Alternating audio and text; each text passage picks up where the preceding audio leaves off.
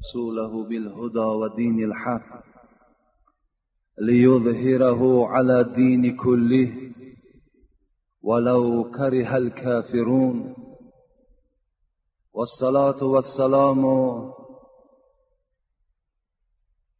على من ختم به النبي وآله وأصحاب الذين هم قرات العيون. السلام عليكم ورحمة الله وبركاته.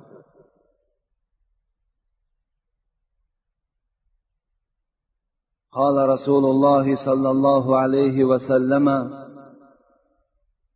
إن الدعاء ينفع مما نزل ومما لم ينزل. فعليكم عباد الله بالدعاء. رواه ترمیزی پیغمبری خدا فرمودند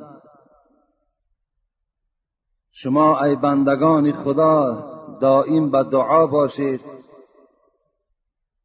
و در هر یک حادثه که شما گرفتار باشید یا آینده حادثه هایی که به سر شما می آید شما می توانید که با دعا پیشگیری کنید. از این خاطر ما و شما هم در آغاز این صحبت دعا می‌کنیم که خدای مهربان در هر یک حادثه که در هر یک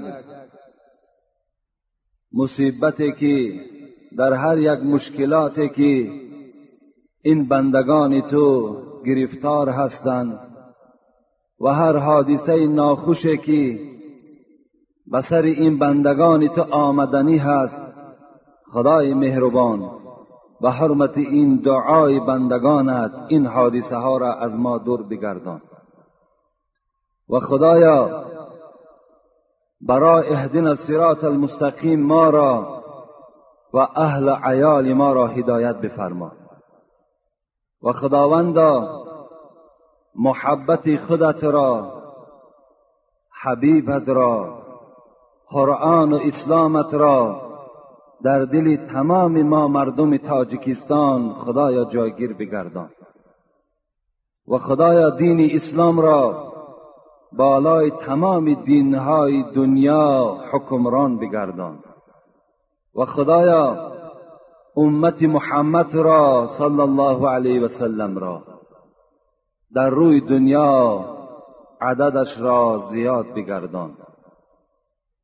و خداوندا هر عبادتی که امروزها انجام می‌دهیم در نامه اعمالمان ثوابش را خدایا کتابت بفرما. و خدایا راهبران دولت ما را توفیقشان را رفیق بگردان. برای اسلام هدایتشان بکن. و محبت این ملت تاجیک را در دلشان خدایا جایگیر بگردان. و هر نیت های نیکی که برای این آبادانی تاجیکستان دارند خدای جامعه عمل بپوشان.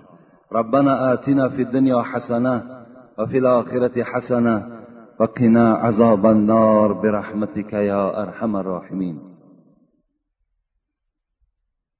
دو جمعه ما و شما در باب فضیلت نماز صحبت داشتیم.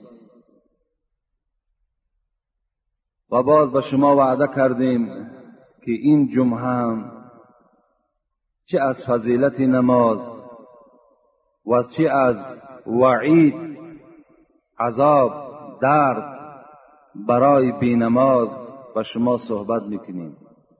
و الحمدلله که این ساعت به همه ما و شما موفق شد و در دوام این یک ساعت ان الله در اطراف این موضوع من به شما صحبت می‌کنم. پیش از صحبت به شما یک چند اعلان خبر می‌دهم. اول اینکه وقتی که ما یک بنده گناهگار یک شاگرد بیعدب در اسلام وقتی وارد مسجد می‌شویم آداب مسجد این نیست که شما نزد من بخیزید. این از آداب مسجد نیست. اگرچنده که فقهای ما و شما خبر دادن که شما در نتیجه خیستن گناهگار نمی‌شویم. لیکن آداب مسجد شما ویران می‌کنید از این خاطر خواهش من این است که شما با دیل اهل علم دوست داریم شما اهل علم در هر جایی که یافتید احترام کنید حرمت کنید. حتی در نبودن اهل علم شما اهل علم محافظت کنید. نگذارید که دشمنان اسلام اهل علم سنگ زنند. انشاءالله این در شما ثواب بی نهایت جزیل کلان صاحب میشوید اعوذ بالله من الشیطان الرجیم بسم الله الرحمن الرحیم والذین هم على صلواتهم يحافظون اولئك هم الوارثون الذين يرثون الفردوس هم فيها خالدون صدق الله العظيم. وأعوذ بالله من الشيطان الرجيم. كل نفس بما كسبت رهينه إلا أصحاب اليمين. في جنات يتساءلون عن المجرمين ما سلككم في سقر؟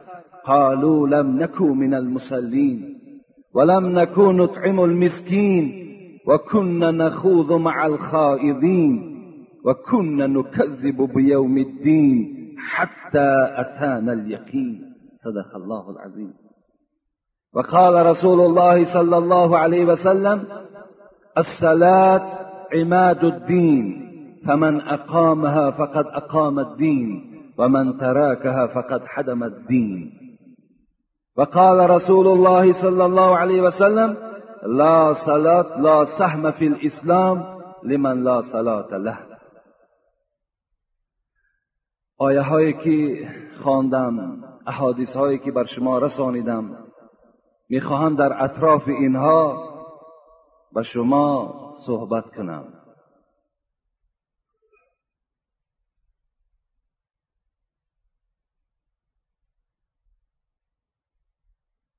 قابلی درگاهی حی بینیاز قابلی درگاهی حی بینیاز هیچ طاعت نیست بهتر از نماز. این عبادت اشاره به نماز است. این عبادت مایه قرب خداست. مونسی شبهای تار انبیاست. این عبادت چون ستونی دین توست شرط ملت مذهب و آینی توست. البته حق به جانب شاعرم هست که به ما و شما می‌گوید که درگاهی بی نیاز پروردگار در نزد درگاهی بی نیاز پروردگار هیچ عمل از روی ثواب و از روی فضل از نماز افضلتر نیست. زیرا عبدالله ابن مسعود که شما گوش کرده بودید وقتی پرسیدن ای العمل احب الى الله تعالی قال الصلاة لوقتها. کدام عمل؟ ای پیغمبری خدا محبوب ترین عمل دوست داشته ترین عمل به سوی پروردگار است. عبدالله سوال کردن. پیغمبر ما و شما گفتند ای عبدالله نماز در وقتش ادا کن. این محبوب ترین عمل در نزد خداست. این عبادت مایه قرب خداست. مونسی شبهای تاری انبیاست. شاعر می‌گوید هیل نماز چنان عبادت هست که با پروردگار صاحب خودش را قریب می‌کند. و چنان عبادت هست که پیغمبرها را مونیسشان شریکشان رفیق و برادرشان در شبهای تار نماز بود. پیغمبر ما و شما شب که می‌شد حضرت تهارت می‌کردند جای نمازم میپرتافتند تا روز نماز میخواندند. تا روز نماز میخواندند. عایشه صدیقه که زن رسول اکرم بودن حال پیغمبر که می‌دیدند به نهایت غمگین می‌شدند. می‌گفتند ای پیغمبری خدا پنجه های مبارک برم کرد. زانه های مبارک مثل زانه اشتر شد. آ شما چنان حبیبی خدا هستید که اول آخری گناهی تو را خدا بخشیده است. این قدر نماز این قدر نماز. رسول اکرم گفتن افلا اکون عبدا شکورا یا عایشه ای عایشه آیا من بنده شکرگزار پروردگار نباشم؟ پیغمبر ما و شما را مونیسش رفیقش در شب نماز بود. امروز رفیق ما و شما مونیس ما و شما برادر ما و شما در شب نماز نیست. ما و شما تا یازده تا دوازده تا یک شب به همان برنامه های نادرسته که در قانون انسان وجود دارد چشمها کشاد فقط نگاه به سوی همون است. حتی در جایگاه خواب ما و شما با تهارت خواب نمی‌کنیم. نماز یک جانب تا که آسیب جین و دیگر مخلوقها به ما و شما نرسد. امروز مونیسی شب ما و شما شب نشینی هایی که تا یازده و دوازده شب و در نزد ما از حرام کرده های خداست همین مونیسی ما و شما شده است. امروز ما وقت یابیم بازار میریم. وقت یابیم در کوچه می نشینیم لیکن بر نماز ذوق نداریم.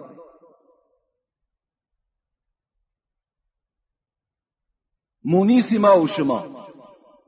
یاردمچی ما و شما؟ باید هر زمان نماز باشد. نماز از یک جانب اگر ریزاگی پروردگار و خوشنودی خدا باشد حضرت حذیفه می‌گوید کان رسول الله صلی الله علیه و سلم اذا حضبه امر فضع الى الصلاه این احدكم اذا صلى يناجي ربه. این بخاری روایت می‌کنه حذیفه می‌گوید وقتی پیغمبر خدا را می‌دیدیم که یک مشکلات بالاش می آمد یک درد بالاش می آمد در حال می‌گوید در نماز چیکار می‌کرد؟ شروع می‌کرد. در حال همون حاجت همون مشکلات از نماز میجوست. با واسطه نماز از همون حادثه خودش را خلاص می‌کرد. شما هم می‌توانیم تمام مشکلاتی که داریم اگر نزد شما آمد در حال جای نماز پرتایین از پروردگار زاره و تولا کنین آن مشکلات شما را خداوند. با احترام این نماز با حرمت این نماز از شما دور می سازد این حدیث پیغمبری ما و شماست. می‌گوید در شهر کوفه یک تاجر بود بسیار تاجری صادق بود. بسیار تاجری صادق بود.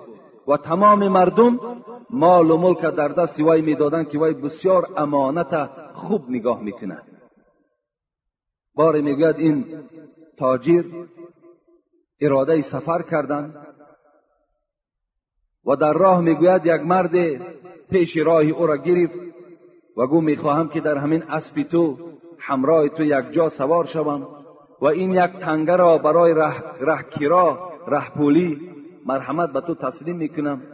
و من هم به همون منزلی که شما می‌روید همانجا می‌روم. مرا نمی‌بری. این مرد خدا ترس در حال ویم در اسب سوار کرد. آمدن به یک بیش هزار میگه رسیدن. و این مرد از عقیب نشسته گفت این راهی که تو رفته ایستاده راهی دراز است. اگر به این جانبی که من به تو اشاره دارم به این جانب اگر میانه بر می‌گوییم ما و شما. اگر با این جانب رویم باز راه کوتاهتر می شود این تاجر گفتن من به این جانب راه را ندیدم. گفتن من تو را رهنمایی می‌کنم. این حضرت می‌گوید اسب را همون جانب گردانی. می‌گوید در یک جای رسیدیم که علفهای بلند داشت و نگاه کردم که استخوانهای زیادی آدمیزاد در اونجا پرتافته شده است.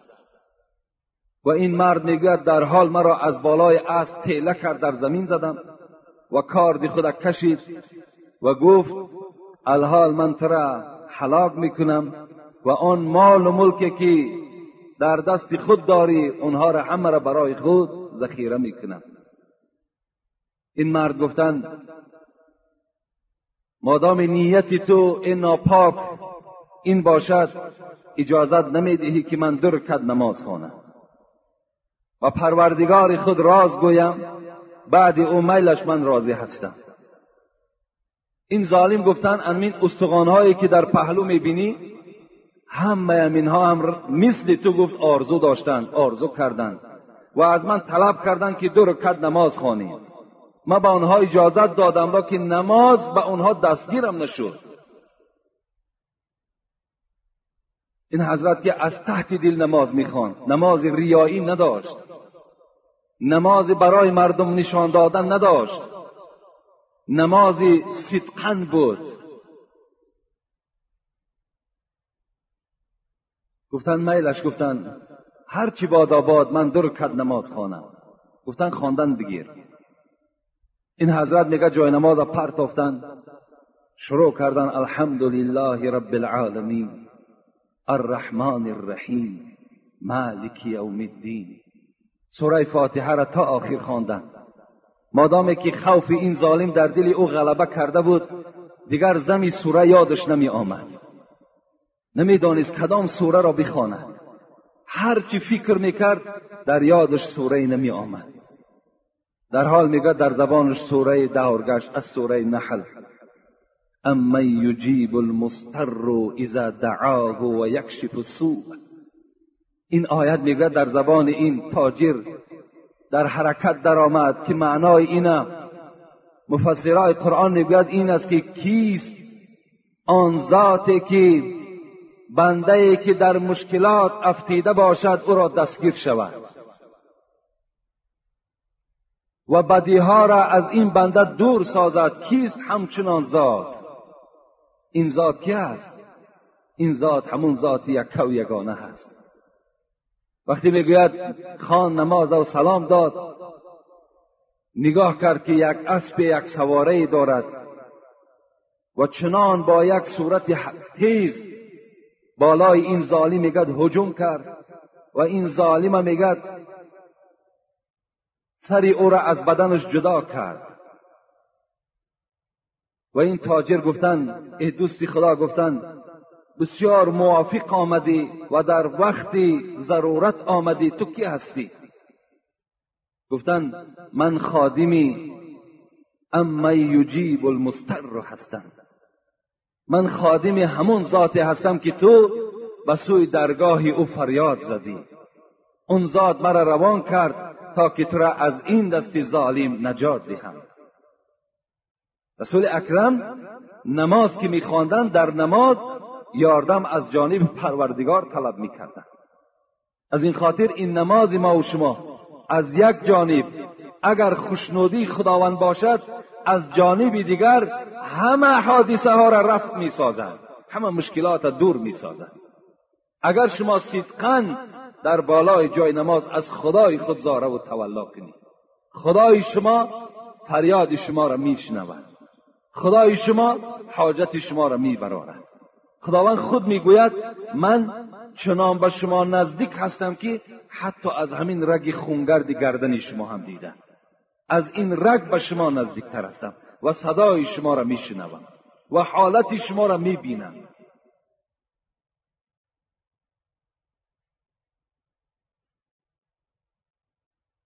آیتی که تلاوت کردیم والذین هم على صلواتهم یحافظون. سوره مؤمنون است. آیه های نه تا یازده او هست می‌گوید خداوند آن کسانی که پنج وقت نماز را خواندند چی زن باشد چی مرد باشد چی موی سفید باشد چی کمپیر باشد چی جوان باشد. پنج وقت نماز وقتی که می‌خواند اولئک هم الوارثون خدا می‌گوید اینها میراث برنده هستند. کسانی که پنج وقت نماز می‌خوانند اینها میراث می‌برند. الذين يرثون الفردوس هم فيها خالدون. چی میراث می‌برند؟ اگر پدر ما و شما از دنیا گذرد ما فرزندهای او مال او را میراث می‌بریم. کسانی که پنج وقت نماز می‌خوانند چی میراث می‌برند؟ خدا گفت که اینها فردوس را میراث می‌برند. فردوس را میراث می‌برند. و در همین فردوس هم فیها خالدون. مخلد در اینجا میلیون ها سال راحتی فردوس می‌بینند. کسی که پنج وقت نماز ادا می‌کند. رسول اکرم می‌گوید اذا سألتم الله الجنه فاسألوه الفردوس. هر وقتایی که شما می‌خواهید که در جنت وارد شوید از جنت فقط فردوس طلب کنید. فانه اعلى الجنه و اوسط الجنه زیرا فردوس در بین جنت جایگیر است. و بالای جنت فردوس واقع هست. منه تفجر الانهار. رسول اکرم گفت فردوس صفتش این است که تمام آبها چشمه ها از همین فردوس جوش می‌زند بیرون می‌شود و در تمام اطراف جنت دور میگردند مرکز اساسی فردوس است. و فوق عرش الرحمن.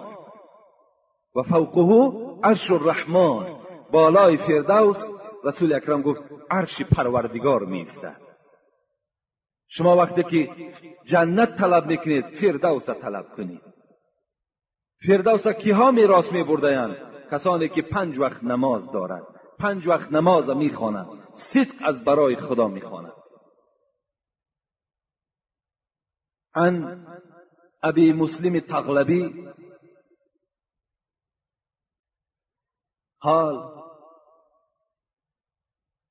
ابی مسلم تغلبی روایت می‌کند که دخلت على ابی امامت و هو فی المسجد.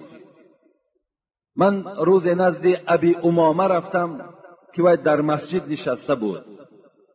فقلت یا ابی امامته حدثني منك انك سمعت رسول الله صلی الله علیه و سلم یقول من گفت از نام تو یک حدیث شنیدم ای ابی امامه که از نام تو روایت کردن که گویا که پیغمبری خدا گفته باشد. چی گفته باشد؟ من توزع فاسبغ الوضوء غسل یدیه و وجهه و مسح على رأسی. شنیدم که شما ای ابی امامه گفته بوده این که از پیغمبر خدا شنیدم کسی که تهارت می‌کند. کسی تهارت می‌کند. و در بهترین صورت تهارت می‌کند. تهارت سراسیمنی که در هر یک شستن اعضا بسم الله الرحمن الرحیم گفته. هر یک موضع را از آب تر می‌کند. بعد از آن رسول اکرم گفتند بعد این روی خود می شود پایهای خود می شوید بالای سر خود محس می کشد ثم قام الى صلاة المفروزه بعد از آن آمده در نماز فرض قائم می شود. غفر الله له في ذلك اليوم ما مشت إليه رجلاه وقبضت عليه يداه وسمعت إليه أذناه و نظرت الیه عیناه و حدث به نفسه من سوء. پیغمبر خدا گفتند همان روز چی گناهی که پاها کرده باشد؟ چی گناهی که دستها کرده باشد؟ چی گناهی که چشمها کرده باشد؟ چی گناهی که گوشها کرده باشد؟ خداوند با این پنج وقت نمازی که وی خوانده است همگی را مغفرت می‌کند. همگی را مغفرت می‌کند. فقال والله سمعته مرارا من النبی. این ابی امامه گفتند ای ابو مسلم گفتند به خدا قسم این حدیث من یک بار نه بلکه ده ها بار از زبان پیغمبر شنیدم. که می گفتند که هر کسی پنج وقت نماز ادا کند این مکافات ها در خداوند و نائل میگرداند. این است اهمیت نماز این است فضیلت نماز برای هر کدام ما و شما. رسول اکرم می‌گوید من حافظ علیها كانت له نورا و برهانا و نجاتا یوم القیامتی. کدام زن و مردی که پنج وقت نماز محافظت می‌کند پنج وقت نماز می‌خواند تنبلی نمی‌کند کاری دنیا پیش وی نمی‌گیرد بیماری پیش وی نمی‌گیرد لباس های بینماز دارم گفته پیش وی نمی‌گیرد پنج وقت نماز اگر کسی ادا می‌کند. وی در روز قیامت نجات دارد از عذاب خداوند و برای خود دیپلم دارد. برای خود دیپلم دارد. چگونه که ما و شما در دست یک دیپلم می‌گیریم یک حجت می‌گیریم و در هر کارخانه که می‌رویم و نگاه می‌کنن که در اصل ما خواندگی هستیم و ما را در همون کارخانه قبول می‌کنن این نمازها برای ما و شما انا همون دیپلم می‌شود انا همون حجت می‌شود در دست ما می‌دهند این کلید بهشت می‌شود این ما و شما نشان می‌دهیم ملائکه ها ما و شما را می‌گویند داخل شوین در جنت. اگر همین اجازت نامه در دست ما و شما دادن نشود ما و شما وارد جنت نمی‌شویم کسی پنج وقت نماز دارد تصور کند که خدا وی چی داد؟ اجازت نامه ورود جنت داد. لیکن در دوام حدیث گوش می اندازیم و من لم یحافظ علیها. لیکن کدام بدبخت و ناشکری که پنج وقت نماز نمی‌خواند پنج وقت نماز در سستی دارد در پنج وقت نماز بی پروا است لم تکن له نورا ولا برهانا ولا نجاتا. وكان يوم القيامة مع فرعون و هامان و ابی ابن خلف. چه وعیدی سخت است؟ چه ارزنده هستند این طایفه؟ طایفه بی نماز رسول اکرم گفت کسی که پنج وقت نماز نخوان این نعمت پروردگار در کفران کرد ناشکری کرد. اینها در روز قیامت نجات ندارند اینها در روز قیامت اجازت نامه ندارند بلکه اینها چیکار می‌کنند؟ اینها روز قیامت پدرشان واریسشان فرعون است. فرعون. فقال این ربکم الاعلا. این بدبخت گفته بود من خدا هستم. به نمازها همراه فرعون هستند. امان گفته کی را می‌گویند وزیر این بدبخت وزیر فرعون هامان بود. کسانی بی نماز همراه هامان هستند. و کسانی بدبخت بی نماز همراه عبیه ابن خلف هستند. دشمن سرسختترین پیغمبر ما و شما. کسانی بی نماز در بعض روایت قارون هم آمده است. آدمای بی نماز همراه قارون هستند. من می‌خواهم که شمسدین زهبی را همراه بعضی از مفسرین چرا پیغمبر خدا فرعون گفت؟ چرا پیغمبر خدا هامان گفت؟ چرا پیغمبر خدا قارون گفت؟ چرا پیغمبر خدا عبیه ابن خلف گفت؟ چرا گفت؟ این این عبرت است. می‌گوید اگر کدام پادشاهی که نماز نمی‌خواند وی همراه فرعون است. زیرا فرعون چی نگذاشت که نماز بخواند؟ سلطنت پادشاهی. پادشاهی نگذاشتش که وی نماز خواند. هر پادشاهی که در دنیا نماز نمی‌خواند وی همراه فرعون است گفت شمس دین ذهبی و دیگر مفسرای قرآن. و کسی که برای چی هامان ذکر شد؟ هامان وزیر بود. کدام وزیری که نماز نمی‌خواند؟ وزیری او سبب می شود و وی بی از دنیا میگذرد وی همراه هامان است. قارون چرا ذکر شد؟ وی ثروتمند بود. وی بی نهایت میلیاردر بود. وی در همو بانک های شویتساریا بگیم پول داشت مال داشت. وی برای چی ذکر کرد پیغمبر؟ برای آنکه کدام انسانی که میلیاردر است کسانی که ثروتمند و دولتدار هستند و همین ثروت و دولتشان مانع شد و آنها را نگذاشت که نماز خوانند و همراه قارون است. عبیه ابن خلف چرا ذکر شد؟ این بدبختی ناکست این خدا زده در دوره های پیغمبر خدا روپروی پیغمبر آمدن و گفتن ای محمد گفتن صلی الله علیه وسلم من گفتن یک اسبی را تربیه دارم. یک اسبی را فربه کرده ایستاده هم برای چی گفت محمد؟ گفت برای حلاک تو ای محمد. من بالای این اسب سوار می‌شوم هجوم بالای تو می‌کنم ای محمد و تو را نابود می‌کنم. این اسب در خانه بهر این من تربیه دارم. اینا کس نمی‌داند که محمد به صاحب نبود. این بدبخت نمی‌دانست که محمد چنان پشتیبانی داشت که دنیا را در یک میجه زدن نابود می‌کرد. محمد این گونه صاحب داشت. مدعی خواست سعدی می‌گوید. مدعی خواست که از بیخ کند ریشه ما غافل از آنکه خدا هست در اندیشه ما. مدعی می‌خواهد امریکا می‌خواهد انگلیا می‌خواهد یپانیا می‌خواهد که مسلمان ریشه کن کنه یکی مسلمان صاحب دارد خدا دارد خدا پشتیبانش می‌شود. انشاءالله اینا ریشه کن می‌شوند. اینا هیچ غالب بالای ما و شما نمیآیند. وقتی که خدا خود میگه این نحن نزلنا ذکر و این له لحافظون. همه شما بیپروا باشین. ای امت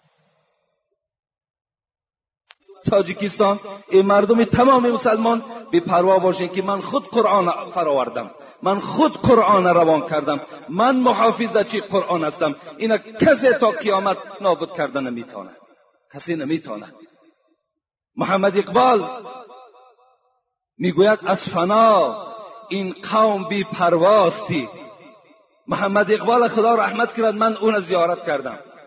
می‌گوید از فنا این قوم بی پرواستی. برای چی ما بی پروا هستیم؟ برای چی بی پروا هستیم؟ از فنا این قوم بی پرواستی. استوار از نحن نزلناستی ما استوار به همین آیتیم. این نحن نزلنا ذکر و این له لحافظون. ما استوار به همین آیت هستیم که خدا خود وعده می‌کند که ما پشتیبان مسلمان هستیم ما پشتیبان قرآن هستیم ما تکه به همین آیت داریم.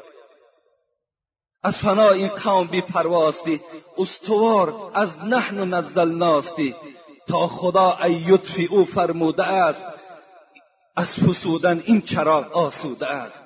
خدا می‌گوید تا وقتی که من خود این چراغ پوف نکنم این چراغ تا زمانی که من خود خاموش نکنم اینا هیچ کس خاموش کردن نمی‌تونه این چراغی هست که هر روز چراغ احمدی را حق به افروخت کسی پوف کرد ریشی خیش را سوخت کسی را پوف می‌کند و خود میسوزد هیچگاه قرآن نمیسوزد اسلام نمیسوزد اسلام شکست نمی‌خورد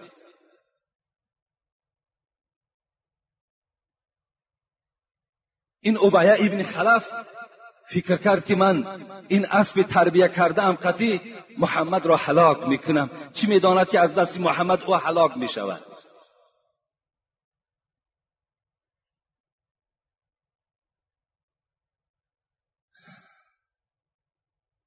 ای بریده ای بریده آن لب و حلق و دهان به این دشمنان اسلام رومی رومی مراجعت می‌کند. ای بریده آن لب و حلق و دهان. کی کند توف سوی محیا آسمان. توف برویش باز گردد بیشکی توف سوی گردون نیابد مسلکی. این توفی که اونها دارن این حجوم هایی که اونها دارن اینها میگاد به سر خود ایشان می آید اینا در آسمان هیچگاه جای نمیابند که اونها استوار شوند. جنگ احد بود. این بدبخت در همون اسب تیار سواره خود سوار شد. از اون جانب محمد بود صلی الله علیه وسلم از این جانب این مشرکان عرب با همراهی ابو سفیان که این جنگ را بیشتری پول از جانب ابو سفیان شد برای طرفداری مشرکان از اون جانب حرکت کرد اوبیا ابن خلف با اسب خود. صحابه پیغمبر گفتند که رسول اکرم اون ناکس هم با تو می‌خواهد هجوم کند. رسول اکرم گفتند بگذار پیش بیاید بگذار پیش بیاید. اوبیا ابن خلف نزدیک آمد نزدیک آمد. رسول اکرم یک نیزه را برداشتند و جانب این دشمن سرسخت حواله دادند این نیزه آمد. راویا می‌گویند در گردن اوبیا ابن خلف زد. از ضرب سخت محمد اوبیا ابن خلف بر زمین زد. و از جای خود خیست در اسب سوار شد و پس گشت از میدان جنگ برآمد. ابو سفیان خنده کرد. گفته اوبیا ابن خلف در گردن تو اونقدر جراحی و از بینی نیست که تو مثل گو فریاد زده ایستاده ای گفت ابو سفیان گفت قسم به تو عزا وای به خدا باور نداشت به همون حیکل ها باور داشت. گفت قسم به همون لات و عزا که تو میدانی که این ضربه کی است؟ این ضربه محمد است. این ضربه آدم عادی نیست این ضربه محمد است گفت. و گفت به خدا قسم گفت به همون لات و عزا قسم که اگر این درده که در گردن من است اگر در مردم حجاز تقسیم کنی همش حلاک می شود و این اوبیا ابن خلف با همین داد و با همین فریاد بدبخت از دنیا گذشت. روز قیامت بی نمازهایی که به تجارت مشغول بودند و تجارت اونها را نگذاشت که اونها نماز خوانند اوبیا ابن خلف تاجر بود. در زیر بیرق اوبیا ابن خلف میخیزند. کدام تاجره که امروز نم نمی‌خواهد یا اینکه دکان نمی‌تواند که در او را دروازه او را بپوشد و نماز جمعه خواند؟ و نماز پنج وقته خواند. فردای قیامت در زیر بیرق این ناکس این نالایق اوبیا ابن خلف سر میبردارد. چی ناخوب است چی زیشت است؟ چی شرمندگی هست که آدم در زیر بیرق فرعون در زیر بیرق هامان در زیر بیرق قارون در زیر بیرق اوبیا ابن خلف خیزد چی خوش است که ما و شما در زیر بیرق محمد اگر سر بردارید؟ چی خوش است که اگر ما و شما در زیر بیرق ابو بکر اگر سر بردارید چی خوش است که در زیر بیرق عمر که در محراب از دست فیروز ابو لولوی مجوسی زده شد روده ها برآمدند حضرت فریاد زدند آیا عبدالرحمن ابن عوف هست؟ گفتن هست. گفتن پیش درا پیش در آمد حضرت در همون حالت از پس عبدالرحمن ابن عوف نماز خواندن عمر ابن الخطاب. در حالتی که روده های مبارک کشال بودند.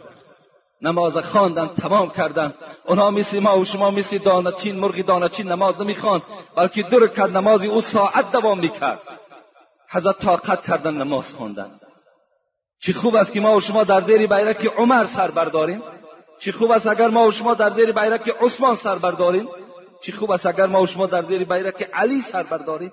این برای ما و شما خوب است. خوش به حال همون خانواده ای که اصلاح شده است. خوش به حال همون زن و مادر و کودکایی که در خانه سحر میخیزند. با یک حالت وزنی چشمها را میشکند. خواب اونها را غلبه می‌کند. لیکن ایمان لیکن این مردی بزرگی که در خانه سرفرمانده خاندان است اونا را بیدار می‌کند و جای نمازها و پرتافتگی نماز می‌خوانند. خوش به حالی اون خاندان. اون خاندان چی مبارک خانه هست؟ رسول اکرم می‌گوید لا سهم فی الاسلام لمن لا صلات له. به قدرترین به حیاترین شرمنده ترین انسان در روی دنیا نفری هست که نماز ندارد. در بین تمام ملت در تمام ملت در بین این هفت میلیارد آدمی که در دنیا زندگی می‌کند رسول اکرم گفتن لا سهم. سهم گفته قدر قیمت میگن. قیمت ندارد. شخصی که نماز نداشته باشد. به آبرو هست شرمنده هست می‌گوید زمین روز سه بار به سوی پروردگار زاره می‌کرده است. ای پروردگارا به من رخصت بده. چی رخصت بده؟ رخصت ده که تا سه طایفه را در قعر خود کشم عذاب دهم. خداوند می‌پرسید است ای زمین اینها کیا هستند؟ می‌گفت است یکم کسانی که مردم را بیگناه خون میریزند. مردم مسلمان را بیگناه خون او را میریزند. این طایفه را من طلب دارم. و دوم این طلب من این است که کسانی که از زنا در بالای من غسل می‌کنند. وای به حال جوانی که زنا می‌کنی زمین امروز مثل همون سگی که به سوی یک انسان غرس دارد صدا میبرارد که وی یک شاده کنند تا که وی یک کنده کند پاره پاره کند. امروز زمین نسبت تو غضب دارد. که پروردگارا آن موی سفید است وی زن است وی کمپیر است دختری جوان است جوانی جوان است. خدایا بر من اجازت ده تا که این طایفه ای که از زنا در بالای من غسل می‌کنند اینها را من چکار کنم؟ به فرو در شکم بی خود بکشم. سوم همان کسانی که نماز نمی‌خوانند پروردگار را رخصت ده که اینها را من بر شکم بی خود فرو برم. یقین است. ما و شما روز وارد قبر می‌شویم که این شکم بی زمین است. چی بدبختی است که اگر ما و شما خون یک برادر را ریزانده باشیم؟ یا چی بدبختی است که ما و شما زنا کرده و توبه نکرده باشیم؟ چی بدبختی است که ما و شما اگر نماز نخوانده باشیم؟ وای به حال ما و شما که قبر نسبت ما و شما چی؟ احوال بدی را در اونجا برقرار می‌کنه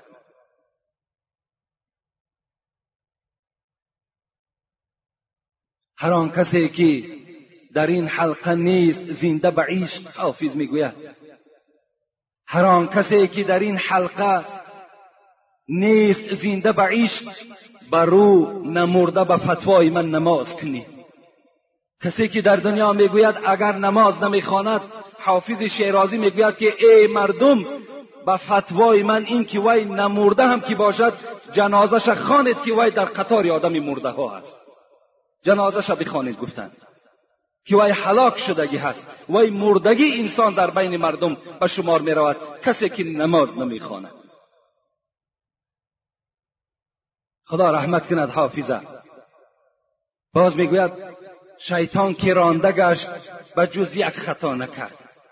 این شیطانی که امروز تمام امت اسلام وسواس می‌کند از نماز باز میدارد این کسافت یک خطای کرده بود. وقتا این خطا را کرد خودش را خدای زمین وقتی که خواند خداوند ای را از درگاه چکار کرد رانده کرد. گفت تو از درگاه ملائکه ها دور شو که تو ملعون هستی تو لعنت کرده شده هستی تو مردود هستی تو مرجوم هستی. از این درگاه گفت این جای تو نیست. شیطان که رانده گشت به جز یک خطا نکرد. خود را برای سجده آدم ریزا نکرد. دیگر خطای شیطان این بود که وقتی خداوند آدم آفرید و گفت ای جمع ملائک اون زمانها شیطانم در قطار ملائکه ها بود. گفت آدم سجده کنین همه سجده کردن شیطان سجده نکرد. چی گفت؟ خلقتنی من نار و خلقته من طین. پروردگار گفت مرا تو از آتش آفریدی. و یا از خاک آفریدی. آتش لایق نیست که خاک سجده کند از روی این گفتار شیطان پروردگار از درگاهش رانده کرد. حافظ امین یادآوری می‌شد که شیطان که رانده گشت و جز یک خطا نکرد. خود را برای سجده آدم رضا نکرد. این است وعید آدم بی نماز. برادرای عزیز ما و شما کار کنیم از طایفه آدمهای بی نماز نباشیم. چه عذاب دردناک است. چی واخوری های ناخوبه در روز قیامت برای آن کسانی که دنیا در بینماز از دنیا سفر می‌کنند. بینهایت بینهایت عذاب دارند. وقتی در زیر بیرق فرعون و هامان و قارون و اوبیا ابن خلف باشد پس دیگر چی جایی وصفش است؟ دیگر چی جایی بیان کردنش است؟ سعدی می‌گوید وا مشمده که او بینماز است. آدمی بینماز میگه اگر نزد تو بیاید قرضدار. اگر یگان معرکه دارد یا می‌خواهد که از تو قرض بگیرد. وامش مده که او بینماز است. تو یک قرض نتی می‌گوید. برای چی؟ آیا سعدی رحم نداشت؟ آیا سعدی دلش به مردم نمیسوخت؟ وامش مده که او بینماز است گرچی دهنش زفاقه باز است. او قرض خدا نمی‌گذارد از قرض تو نیز غم ندارد. حضرت می‌گوید اگر از گشنگی حلاک شود شما با وی قرض ندهید می‌گوید.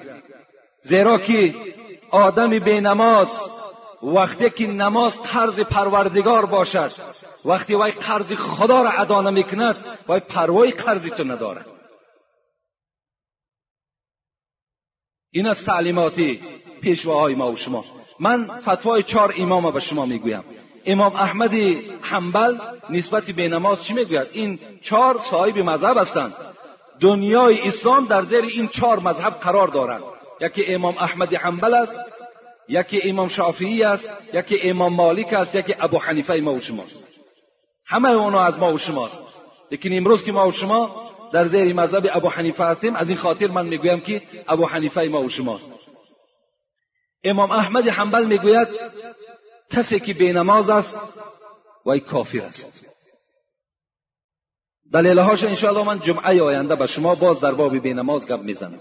از آیت های قرآن. به چه آیت؟ امام احمد حنبل این صاحب مذهب است. میلیون ها نفر در زیری مذهبش عالم ها و مولوی ها دارد وی بیدلیل کافر نمی‌گوید. می‌گوید کافر است. امام مالک می‌گوید بینماز کافر است. امام شافعی می‌گوید به زمیانی که بینماز کافر است قتلش واجب است. این امام شافعی گفتند این کتاب است این نه کتاب حاجی میرزاست نه کتاب یگان مولوی یگان داملای دیگه است این کتاب خدا و پیغمبری خداست. این قول مجتهدان ما و شماست. امام ابو حنیفه چی گفتند گفتند کسی بینماز باشد و زندانی کنید. زندان برین. در زندان سه روز وی را محکم کنید. و پیشنهاد کنید. نماز قبول می‌کنی یا نه؟ اگر نماز قبول کند کشاده کنید وی اگر نماز قبول نکرد نزد او تعام نگذارید با همون گرسنگی در زندان حلاک شود این قول امام ابو حنیفه است هیچ قولش برای بینماز خوب نیست هیچ قولش همش ضرر آدم بینماز است انشاءالله من باز ضررهای اینها را برای شما جمعه آینده خدا خواسته باشد آگاه می‌کنم. الحال یک چند برادرهای ما و شما یعنی طلب دعا کردن می‌خواهم در حق اونها دعا کنم. یک برادر من در دوشنبه که بینهایت جوان مرد است و بینهایت سهم کلان برای طالب علم ها می‌گذارد کتاب ها می‌خرد به نام عارف که اون برادر من هست. و طلب کردن که برادرها را التماس التجا کن که من یک شخص بیمار هستم. در حق من دعا کنن. از این خاطر در حق این عارف جان دعا می‌کنیم که خدای مهربان این بنده خدا شفای کامل و شفای عاجل خدا نصیب روزیش بگردانی و هر یک همتی که در راه اسلام می‌کند خدا در نامه اعمالش کتابت کنی. و خداوندا باز فرزندهای این عارف جان خدمتگار اسلام و خدمتگار پدر و مادرش بگردانی. آمین یا رب العالمین. و برادرمان شریف خان از این محله و یک خواهرمان رابعه و از ما طلب کردند که در حقشان دعا کنیم خدای مهربان این بنده خود و این خواهر را خدای عمر دراز و تنی صحت و خاطر جمع و هر مشکلاتی که داشته باشند خدای مهربان مشکلات هاشون آسان بگردانی. آمین یا رب العالمین. السلام علیکم داملای شیرین سخن. خدا علمتان را زیاده گرداند. من می‌خواهم نامم را عوض کنم. من فیروز نام دارم. از روی کتاب نامم را عمر ماندم. البته عمر ارزنده است. فیروز این کسی بود که عمر را کشته بود. یعنی همون ابو لؤلؤ مجوسی همون نام اصلیش فیروز بود. خوب می شود که ما و شما نامه های اسلامی داشته باشیم. چندین بار من تکرار کردم. شما شرط نیست که یعنی دویده رفته همون پسپورت ها و شهادت نامه هاتون علیش کنید بلکه شما خودتون اعلام کنید که نام من عمر است. کرامن کاتبین یعلمون ما تفعلون. این کرامن کاتبینه که در شانه های ما و شماست اونا نام تو را از فیروزی خط می‌زنند و می نویسند نام این بند